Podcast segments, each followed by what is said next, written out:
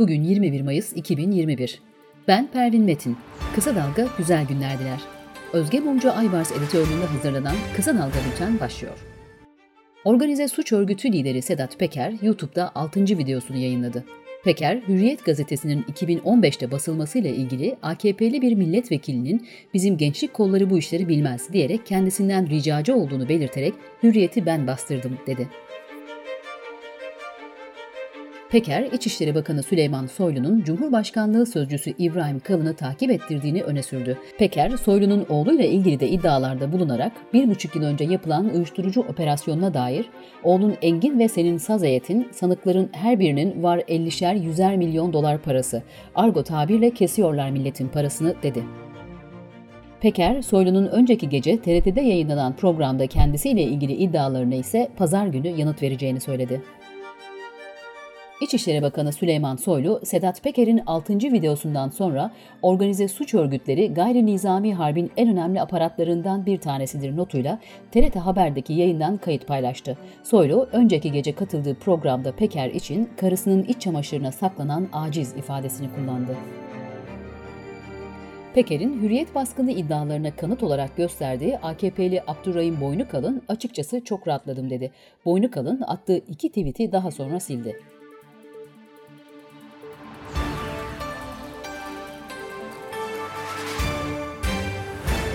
İyi Parti Genel Başkanı Meral Akşener, Rize'nin İkizdere ilçesinde esnaf ziyareti yaptığı sırada bir grubun tepkisiyle karşılaştı. Grupla partililer birbirlerinin üzerine yürüyünce gerginlik yaşandı. Esnaf ziyaretini iptal eden Akşener ilçe merkezinden ayrıldı. CHP lideri Kemal Kılıçdaroğlu Twitter hesabından yaptığı paylaşımda İkizdere'de yaşananlara tepki göstererek Meral Hanım'a Rize'de yapılan saldırı kim bilir ileride hangi videonun konusu olacak. Bu ülkenin dip köşe temizliğe ihtiyacı var. Seçimden korkma Erdoğan, hemen seçim ifadesini kullandı.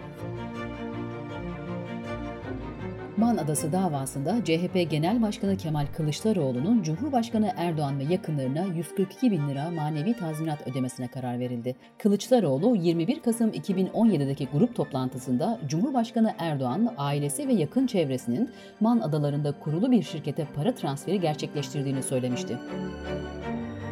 CHP Genel Başkan Yardımcısı Muharrem Erkek, Sedat Peker Süleyman Soylu tartışmalarına ilişkin Cumhuriyet savcılarının ciddi iddialar karşısında soruşturma açması için bir suç duyurusuna başvuruya ihtiyaç yok. Reysen kendiliğinden hareket etme yetkileri var, dedi. CHP Grup Başkan Vekili Özgür Özel, İçişleri Bakanı Süleyman Soylu'nun TRT yayınında dile getirdiği iddia ile ilgili olarak Sedat Peker'den ayda 10 bin dolar alan siyasetçiyi Soylu derhal açıklamalıdır çağrısı yaptı. Cumhurbaşkanı Erdoğan, Netanyahu benzetmesi nedeniyle İyi Parti Genel Başkanı Meral Akşener hakkında 250 bin liralık tazminat davası açtı. Hakim ve Savcılar Kurulu seçimlerine yönelik tartışmada uzlaşı sağlandı. Buna göre HSK seçimlerinde 7 üyenin 4'ü Cumhur İttifakı'ndan, 3'ü Millet İttifakı'ndan seçilecek.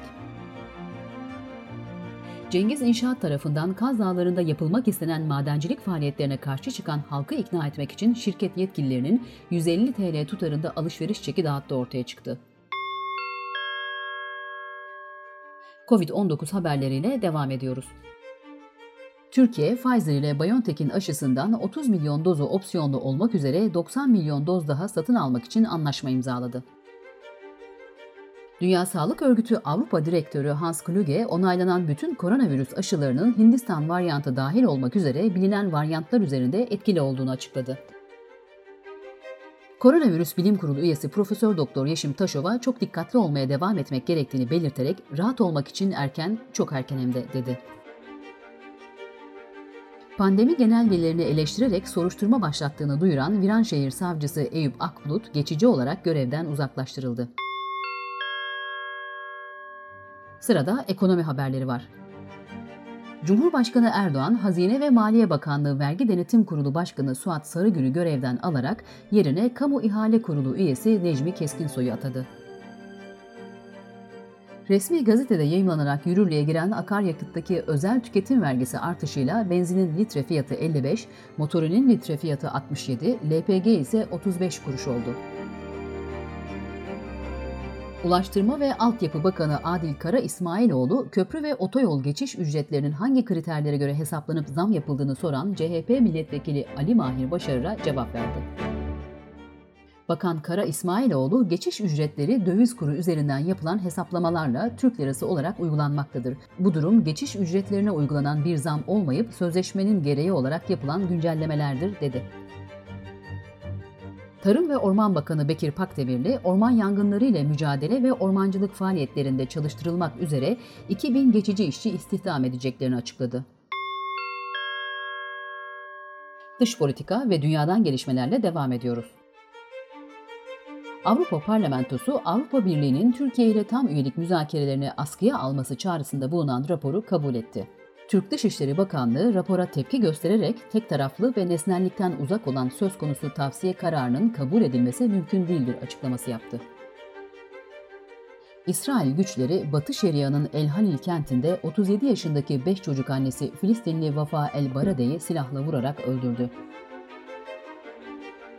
Birleşmiş Milletler Genel Sekreterliği'nin hazırladığı Suriye raporuna göre Temmuz 2018-Haziran 2020 arasındaki hava saldırıları, patlayıcı savaş kalıntıları ve ayrım gözetmeyen bombardımanlar 2700'den fazla çocuğu sakatladı ya da yaşamına mal oldu. ABD Başkanı Biden ile İsrail Başbakanı Netanyahu'nun telefon görüşmesi yaptığı duyuruldu. Beyaz Saray açıklamasına göre Biden, Gazze'de gerilimin düşürülmesini istediğini belirtti. Bültenimizi kısa dalgadan öneriyle bitiriyoruz. AKP döneminde dışişlerindeki değişimi, dönüşümü emekli büyükelçiler Onur Öymen, Uluç Özülker, Namık Tan ve gazeteci Murat Yetkin yorumluyor. Kısa Dalga.net adresimizden dinleyebilirsiniz. Gözünüz kulağınız bizde olsun. Kısa Dalga Medya.